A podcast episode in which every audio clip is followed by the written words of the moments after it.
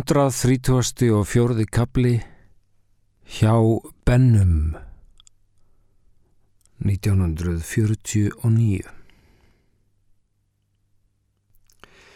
Sé litið á heimskortið skal lögð á það teknibóla þannig að haus nemi við Buenos Aires og oddur vísi í hásöður. Við enda hans stendur þá sveitabíli sæmilegt á bökkum Salado árinar La Quinta de Crio. Sendibrefin hófum við jafnan svo Kríustöðum 14. februar 1949. Hér byggu átján manns og báru allir sama eftirnafn Benítez. Það var spænskun á hennu upphaflega ættarnafni Benny. Nokkrar kýr voru mjölkaðar til heimilis þarfa En að öðru leiti var jörðin tvískipt í sínu fullkomna sléttlendi, í föl, gula, kornagra og fullgrænt bitlendi fyrir svarta nautgripi. Bæjarhúsin voru kvíti vir dægin en kolsvört á kvöldin. Aldrei hef ég upplifað annað eins myrkur og þarna á pömpunni. Um hverfis íbúðarhúsið stóðu nokkur krónumikil ombútrið og við heimtröðina á næsta bæ röð af gissnari tegundum. Lauf þeirra var dökkleitt, gengt, ljósum kornakrinum, líkt og öskustrókar úr lignum sjó. Að öðru leiti var landslægið ein rúsnesk slétta, La Pampa.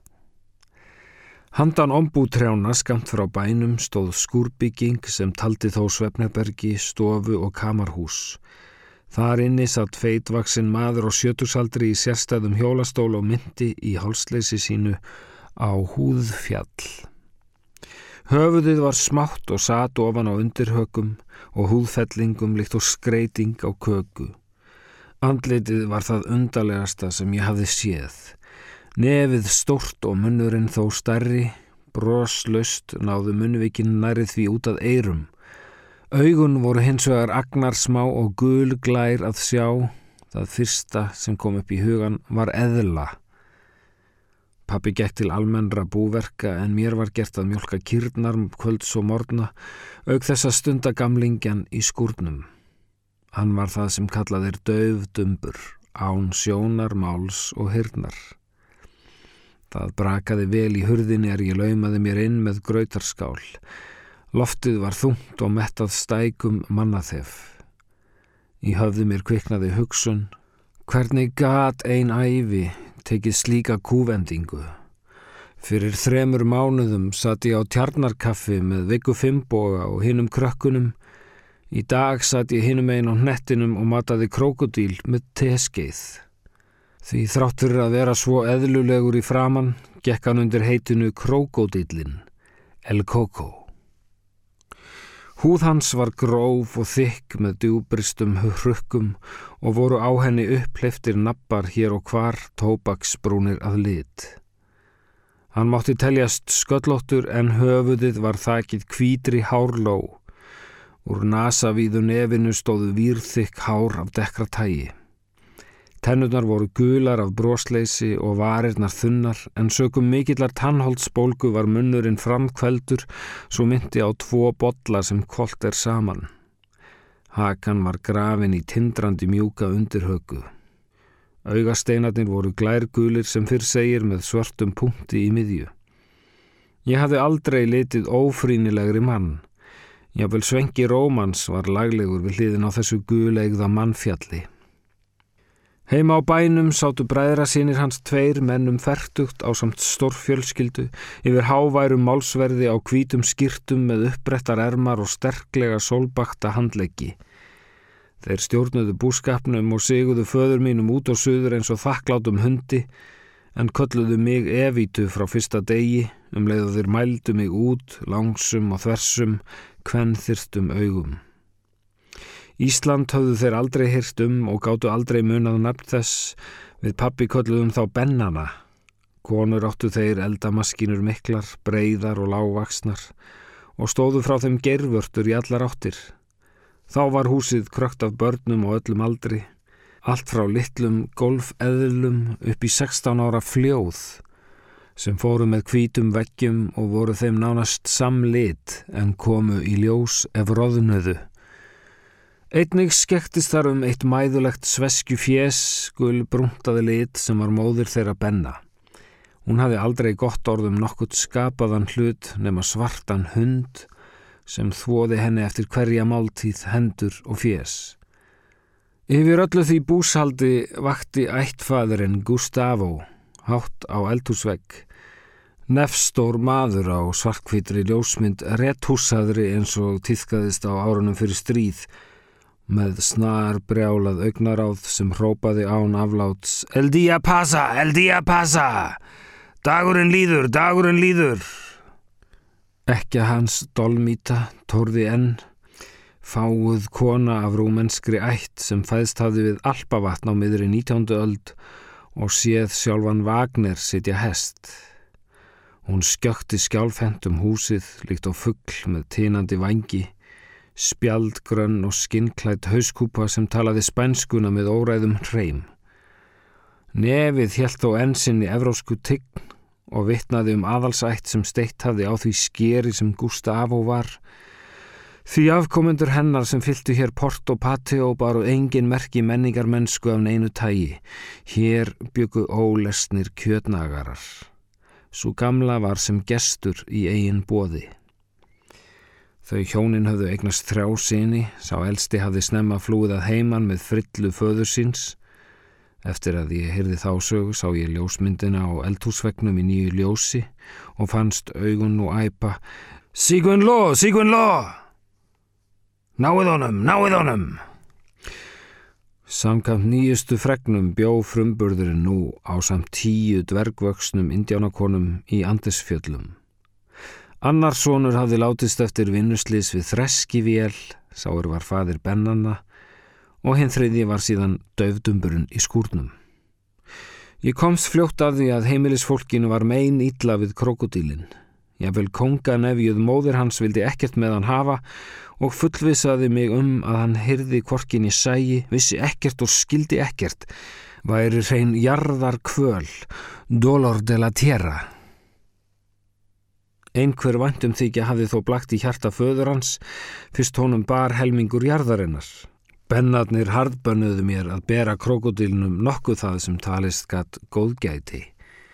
Hann geti getið allan daginn. Skolturinn á honum er ginnunga gap. Bostezo vacío! El Coco fekk nömt skamtaðan havragraut í nær öll mál og þess vegna var þingt hans mér fullkominn ráðgáta. Sjálfsagt einhver sjúkdómur, saði pabbi. Þau neittust þó til að halda lífinu í honum því hann hafði ungur eignast són með ferðahóru frá Paraguay. Sá kallaði sig Big Ben og hafði byrst í fyllingu tímans hávaksinn þrjótur sem heimtaði fjö af föður sínum og settist upp á heimilisfólk með valdi. Glæsilegur á velli en gallaður í lund tóst honum að hræra upp í öllum hjónaböndunum á bænum og hljóblokks á brott með búsjóðinn. Leitisgróum samkvæmt var Big Ben nú orðin kunnur nývabardagamæður á börunum í Boka, vafa samasta hverfi ferskulofta. Stórfjölskyldan í eldhúsinu átti því jörðina til hálfs á móti krokodilnum.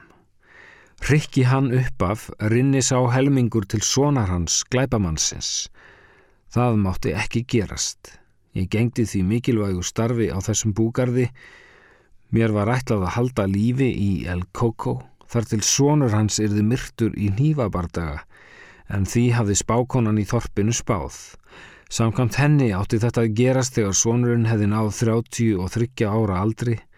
Hann var ný orðin 30 og 20. Á kvöldin æfðu bennarnir nývaköst í skemmu. 130. og 50. kapli El Coco 1949 Hvers konar tilvera var þetta að heyra korkinni sjá og fá ekki tjáð sig? Kanski var hann réttnæmdur krokodíl, líkari dýri en manni Hann satt alltaf á sama stað undir hári kommóðu hvar ofan á tifaði hávær klukka við myndarlegt en skáfætt breytsborð. Á grænu fíltefni lág fingjert púsluspil. Á meðan hendurnar störfuðu kvildu eðlu augun á smáum söðurglugga á vegnum við hliðin á hörðinni sem brakaði í í hvert sinn er ég kom inn. Ég fekk þarna príðis nasasjón af skurlífi mínu síðar og gengdi hlutverki lóu, let hann vita af mér með því að snerta hægri öxlans. Hann heilsaði með hljóði sem kom djúft úr barka og virtist fullt af langvinnri þjáningu líkt og andvarp óþægtra skeppnu upp úr dýflissu sem var svo djúb að enginn fekk dýrið séð. En eftir því sem tímin leið tók ég að skinja í því kokhljóði gleði, sjá í því brós. Hann var jafnan klættur í húðleita skirtu og brúnar buksur sem girtar voru hátt um kviðin. Mér var sagt að hann klætti sig sjálfur og sæi sjálfur um neðri þarfir því þótt hann hefðist við í hjólastól hafði hann fullan mátt í fótum. Af lúnum golfdúk mátti lesa allt um fótaferð þess að þunga manns frá rúmi að kamarhúsi og þaðan að púsluspili, fjögura rúmetra landsvæði sem var ljósara en restin af dúknum, ríki, myrkurs og þagnar. Hann fór aldrei út. Hjólastólinn hafði fadir hans smíðað og var eins og ástúðlegasta smíð sem ég hafði séð. Jável pílárarnir í hjólunum voru úr tré. Spákonan í þorpinu hafði spáð því að ofan á allt myndi sá döfdumbi lamast á 33. aldursári. Af því tilefni hafði fadurinn ráðist í þessa smíð sem nú var komin vel til ára sinna. Um síður komst ég að því að El Coco klætti sig aldrei heldur svaf í fötunum við rúmföt sem ekki hafðu verið þvegin frá því fyrir stríð. Ég stalst því fljótlega til að þvó af honum og mátti beita lagni svo enginn segi mig þerra lökin krokodils. Þá tók það mig viku að fá hann til að skipta um fött og hann jafn langan tíma að þakka mér fyrir. Þótt nasir hans væri út tróðnar af hárum fann hann ilmin af nýþvegnu í hvert sinn sem ég lættist fram hjá honum með rúm og nærfött og hnusaði út í loftið með ljótu brosi. Um síðir leiði ég honum að leggja hönd við vangan á mér í þakklætisskinni. Lófi hans og fingurgómar voru jafn undra mjúkir og handarbökin voru skrápsleg að sjá. Ég hafði heldur ekki tekið eftir því hver fallega innan hvít höndin var en bökin voru allsett gulum og brúnum blettum og neglurnar kúftar og langar sem klær.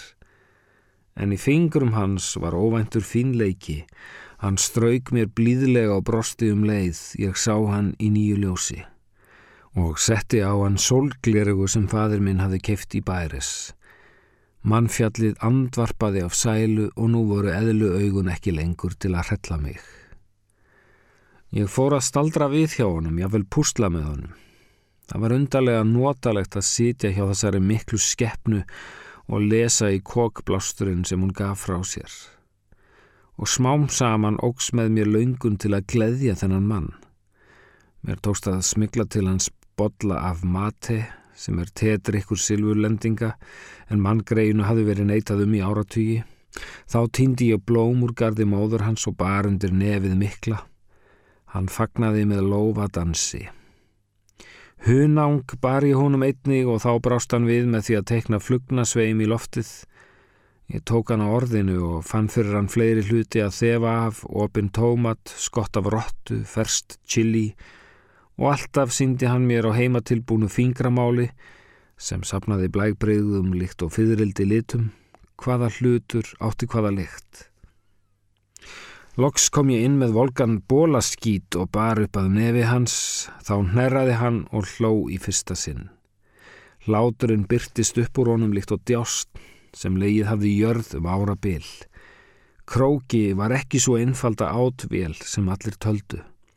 Hann hafði líktarskinn leitarhunds. Þetta myndarlega nef sem hann hafði þegið af föður sínum var hans eina trekt að lífinu um það fór öll hans skinnjun. Döfdumburinn fann ég að við lykt af líðan minni og tók nú að teikna upp skap mitt á hverjum degi. Þreytt, glöð, úrill, ástfóngin, timbruð, með heimþrá eða áhyggjur af pappa. Ég var farin að umgangast þetta nef hans af ómeðvitaðri varúð líkt og væri það margslungið gegnum lýsingartæki. Og ég gætt stólað á hárfínt næmi hans fyrir öllum skaparans hlutum. Strákur úr sveitinni hafði stólið handa mér rósúrgarði dolmítu og gengið með mér niður að á. Það var við sólsetur og langir skuggar okkar dilluðu sér á yfirborði áreinar, náðu næstum yfir á hinn bakkan en þó ekki saman. Á móti hafði ég af honum vasaklút sem ég bar undir hinn nefsjáandi næmismann. Hann þefaði af klútnum og feldi dóm um eiganda hans með einfaldri handarhefingu. Þessi piltur var of heimskur fyrir mig. Ég sá það auðvitað sjálfa á næsta stefnumóti og afbar ekki ásjónu hans eftir það. Diego hétt hann og var með höfuð eins og páskaegg, dísætt, brúnt og ringlandi tómt að innan. Virðing mín fyrir ólánsama manninum í skúrnum jógst þannig dag frá degi. Á sama tíma fjall bennafólkið í álitið hjá mér. Þau höguðu sér líkt og heimskur skrill í einföldu ævintýri, vanvirtu sjálfan fjarsjóð fjölskyldunar og útýstu honum í skurgarm sem engrar hitunar nöyt á þeim köldu vetrum sem söður skautið elur sér við brjóst. Hann hétt upphaflega Jóhann Hector og var fættur í Luzern í Sviss árið 1883. Móðir af frægri gullsmíða ætt, Lupescu, minni mig, en faðurinn þísk-ítalskur bruggarasonur Benny. Um aldamóti 1900 tók fjölskyldan sig upp og flutti til Suður Ameríku í leitað gulli og grænum skóum. Eftir þryggja ára flandur nýður eftir Allandsafströndinni enduðu þau í Silfurvana Silfurlandi og hófu að glíma við nautgripi. Lífið korki betran í verra hér en heima við Alpavatn einungis öðru vísi. Helstur munur sá að nú hafðu allir draumar verið fjarlægðir úr lífi þeirra líkt á fjöllin umhverfis. Framtíðin var ekki óljóst en ljósi baðað form sem blundaði bak við næsta ás, heldur lág hún á hlaðinu líkt og gljásvartur hundur. Hún var ekki þar heldur hér, ekki draumur heldur staðreind, því þannig er sléttu lífið, á pömpunni stendur hver maður einn, upp að hálsi í eigin lífi, og kemst ekki burt frá sjálfum sér ekki einu sinni með augunum, fær ekki kvilt þau á klettasillu stuttastund, heldur sér ekkit annað en eigin skugga. Á kríustöðum fekk ég þá sömu köpnunartilfinningu og ég upplöði í Kanada aldarfjörðungi síðar, er ég heimsótti þar Íslendinga byggðir. Mart var okkur gefið Íslendingum en að standa aks með öksum á víðum akri verður seintalið eftirlætisverkefni þeirra ploss fregu útsýnis fíkla sem við erum. Dolmíta sæði mér undir solskinsvegg að á sínum síðustu dögum hefði Gustavo verið farin að sjá Alpafjöll úti á kortsléttunni. Sjáðu, nú er tindurinn hvítur. Tindurinn? Já, á Mont Pilatus sjáðu all hvítur alveg. Hann dó úr alpaleysi, sagði svo gamla. Sónur þeirra Jóhann Hector Benny sem síðar varð Juan Hector Benítez fættist blindur og heyrnardöfur og misti síðan alla heyrn. Á fymta aldursári er hann slapp úr umsjá elsta bróður síns og rambaði að minni lestarganga þar sem hann fekk framann í sér lest. Það var í árdaga lestarsamgangna í Sviss. Hún þauðt svo nærri honum að hún gerði blóðurönd á litla ennið hans saði gamla konan. Síðan hafði hann búið í myrkri og þögn en lært að sjá með nefinu og hlusta með lófunum, tala með fingrunum. Ég færði honum sendibrið frá mömmu. Hann tók varlega um umslægið og barað vitum sér, þefaði af frímerki og brosti, sagði Ísland eins og lúðrasveit. Dró síðan brefið úr umslæginu og las það með nösunum eins og nærsín moldvarpa, Sagði svo að mamma saknaði mín óurlega en liði vel af öðru leiti. Það var þá engin líi sem hún hafði sett á bladið sem ég faldi fyrir föðum mínum. Aftur bar ég bref fyrir Hector að þessu sinni frá ömmu Georgiu, velritað og gamlan ríkistjóra pappir sjálfsagt af fórsetarittaranum Pétri Eggers. Bessastöðum 5. júli 1949 Elsku hjartans herra mín, Þakka þér ástsamlega fyrir brefið sem barst okkur fyrir helgi. Gott er að vita af ykkur hjá góðu fólki. Sjálfri leið mér alltaf vel með svislendingum. Þeir eru svo óskup friðsamlegir.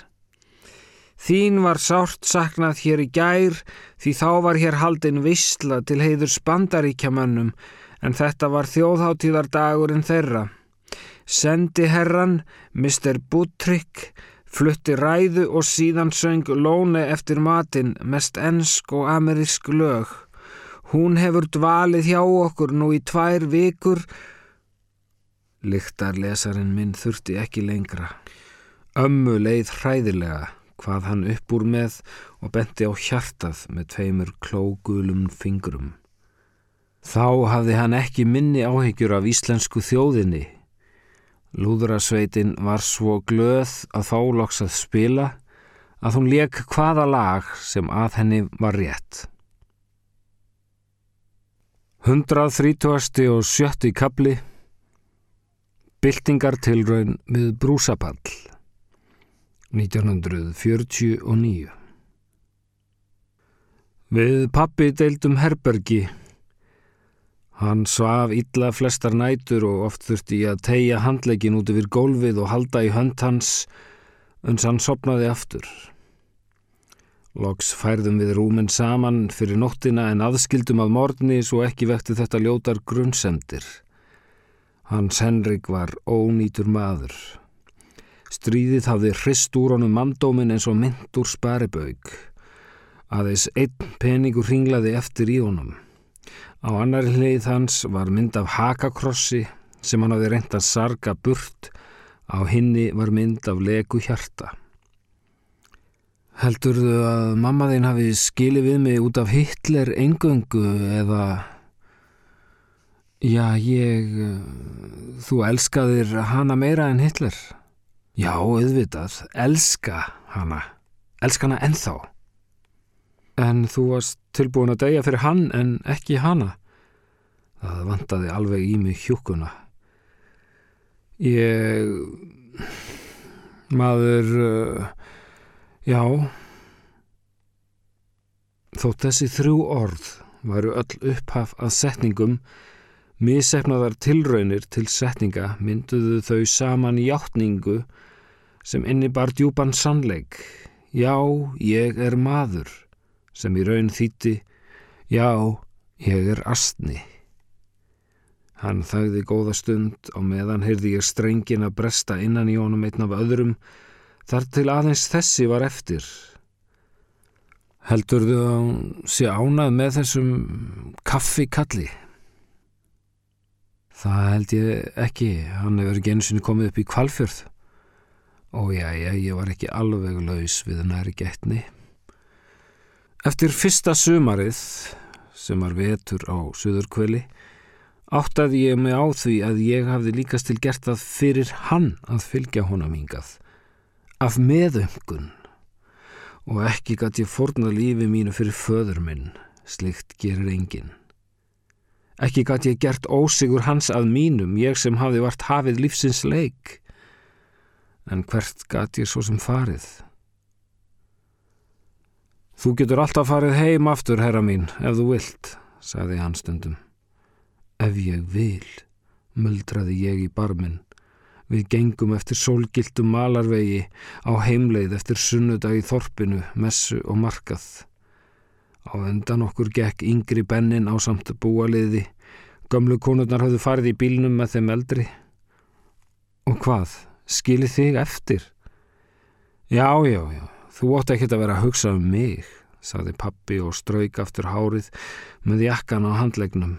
Síðdegi sólinn var heit og mittis hár akurinn suðaði begja megin vegar. Ekkert að hugsa um þig. Ég ger ekki annað en að hugsa um þig. Akkur segir það? Ég held í höndin á þeirra kvöldin er andvaka af áhyggjum og ég er orðið móðir föðu míns. Herra, ég... Þú mátt ekki gleyma sjálfrið þér. Ó, ef ég bara gæti það nú. Þú mátt það ekki, þú lendir í þessu líka. Já, þessu anskotans. Byrjaði ég kvöss en eina fölvadætrum Benítez fjölskyldunar snýri höfði og skauta á mig augum undan hári. Ég þagnaði og ósjálfrátt hægðum við á okkur, dróumst viljandi aftur úr hópnum. Ég sparkaði smásteinum hjátt til sólar sem skeinu svo til lárétt í andlit okkar.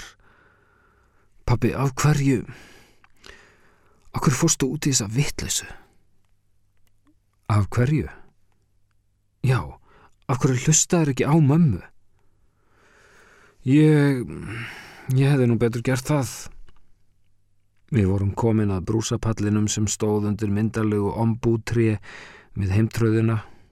Stöku flugur báru sólskinn á herðum sér inn í langan skugga hans. Bennafólkið var hálnað heim að bænum. Ég nam staður og leita á pappa. Hvernig, hvernig gastu verið svona mikill vittlesingur?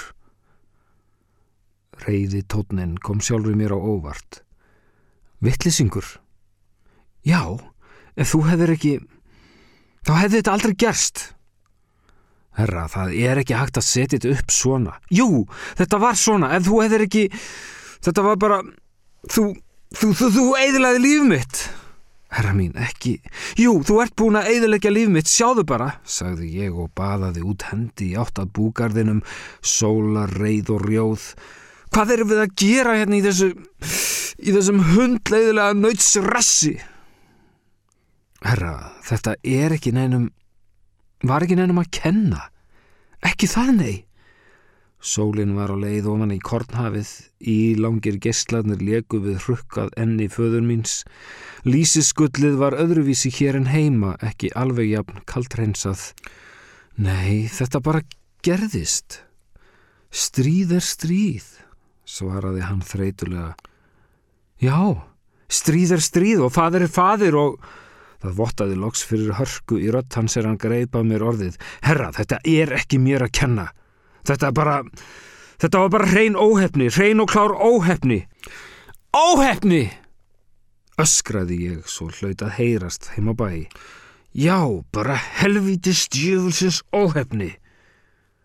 Að sjá okkur þarna svona líka óheppin Feðgin frá fjarlægu landi, boksandi út í loftið við heimabakaða drauga sem við gátum þó aldrei komið höndum á. Aldrei tekið hálstaki, aldrei kveðið niður. Helvíti stjöfull, þetta var auðvitað satt hjá honum. Þetta var hrein og klár óhefni sem gerði þetta einmitt allt svo óbærilegt. Það var ekki viðneitnað slást nema loftið eitt og hundslegan draugin sem dróst þar um og gerir enn. Eitt er að þjást en annað að þjást undan engu.